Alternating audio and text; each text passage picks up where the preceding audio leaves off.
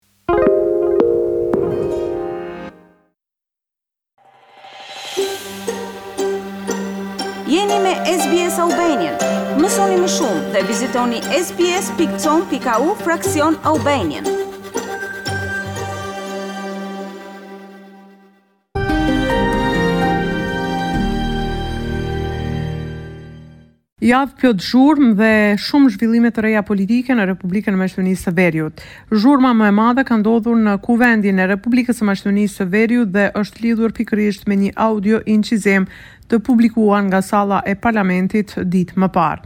VMRO me ngulm kërkon interpelancë dhe zgjedhje të parakohshme, ndërkohë kërkesa për kërkim falje nga Talat Xhaferi është kthyer negative, pasi që i njëjti ka thënë se është obligim i punëtorëve të Kuvendit dhe gjithë deputetëve të respektojnë rregulloret dhe orarin e punës, sepse për një gjë të tillë ata paguhen më tepër se sa kolegët e tyre. Kryeministri dhe lideri i LSDM-së Dimitar Kovaçevski u ka bërë thirrje deputetëve socialdemokratë që të votojnë sipas bindjeve të tyre në interpelancë për kryeparlamentarin Talat Xhaferi.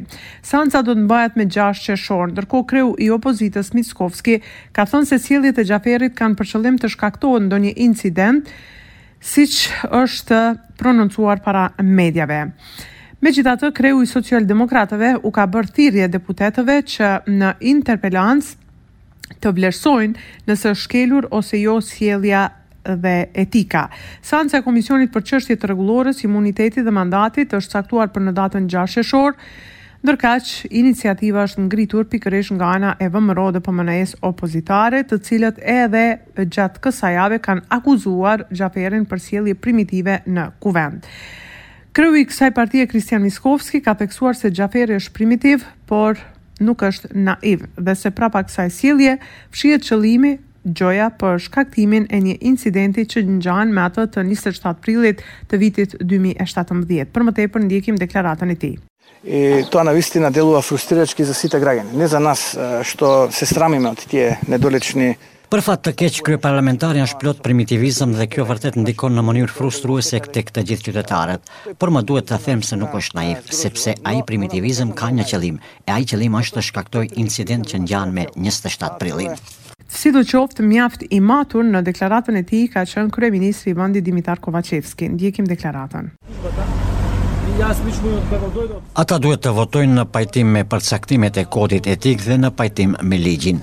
Seanca e Komisionit për Çështje të Rregullores, Imunitetit dhe Mandatit është caktuar për më datë gjashtë qershor, ndërsa iniciativa është ngritur nga ana e VMRO-DPMNE-së opozitare, të cilët edhe gjatë ditës së sotme kanë akuzuar Xhaferin për sjellje primitive në Kuvend. Në anën tjetër, katër partitë e koalicionit në pushtet në Bullgari kanë debatuar për pozicionin e vendit në raport me negociatat me Maqedoninë e Veriut dhe veton që Sofja e ka vendosur në rrugën e saj europiane.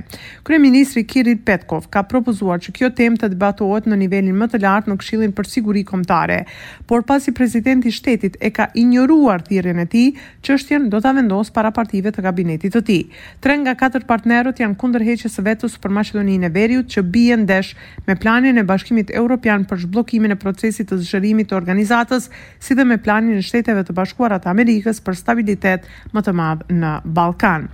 Siç duket nuk ka patur sukses që të bindet presidenti i shtetit Rumen Radev për temën Maqedonia e Veriut që të thirrë Këshillin për Siguri Kombëtare të Bullgarisë, megjithatë për negociatat me Shkupin dhe për presionet ndërkombëtare që Sofja ta heqë veton, Kiril Petkov do të debatojë me partnerët e koalicionit në qeveri.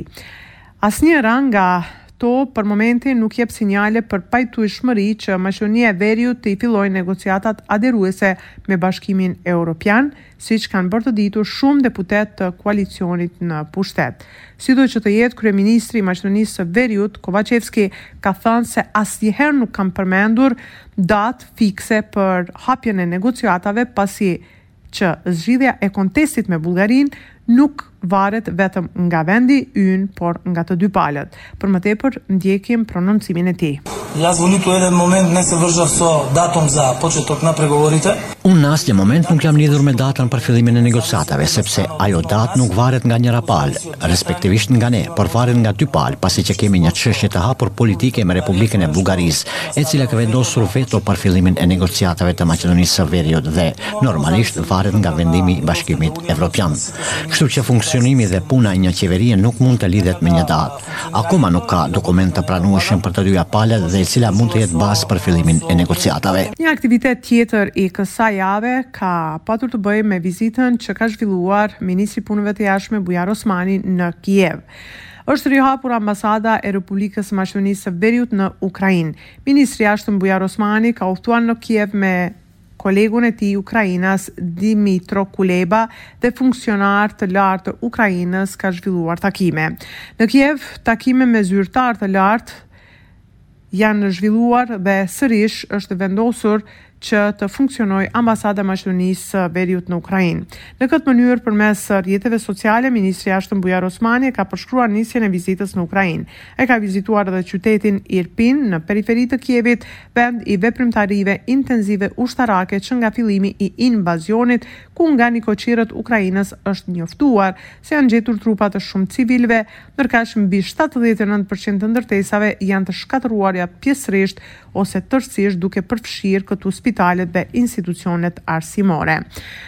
Për më tepër rreth rëndësisë së kësaj ambasade, ministri i Jashtëm Bujar Osmani është shprehur kështu. Pane Dmytro, spershu khochu podiakuvaty za te, shcho vy pryinialy. I dëshirojmë shumë fat Ukrainës në rrugën eurointegruese. Ne si vend me status kandidati mirë e dimë se rruga është e gjatë dhe e vështirë, por Ukraina i takon familjes evropiane. Një rritje tjetër e javës ka të bëjë me rritjen e pensioneve dhe rrogave në nivel të shtetit. Kështu është përmbushur edhe një premtim i radhës nga ana e qeverisë. Ndërkaq, gjatë javës së ardhshme do të jetë më e qartë situata se si do të ecin varësisht prej zhvillimeve politike edhe mundësia ose jo për shpalljen e zgjedhjeve të parakohshme parlamentare dhe kjo mvaret nga stabiliteti që do të kenë mundësi partitë në pushtet të vendosin në tërë vendin. Për Radion SBS raporton nga Republika e Maqedonisë së Veriut, Besiana Mehmedi.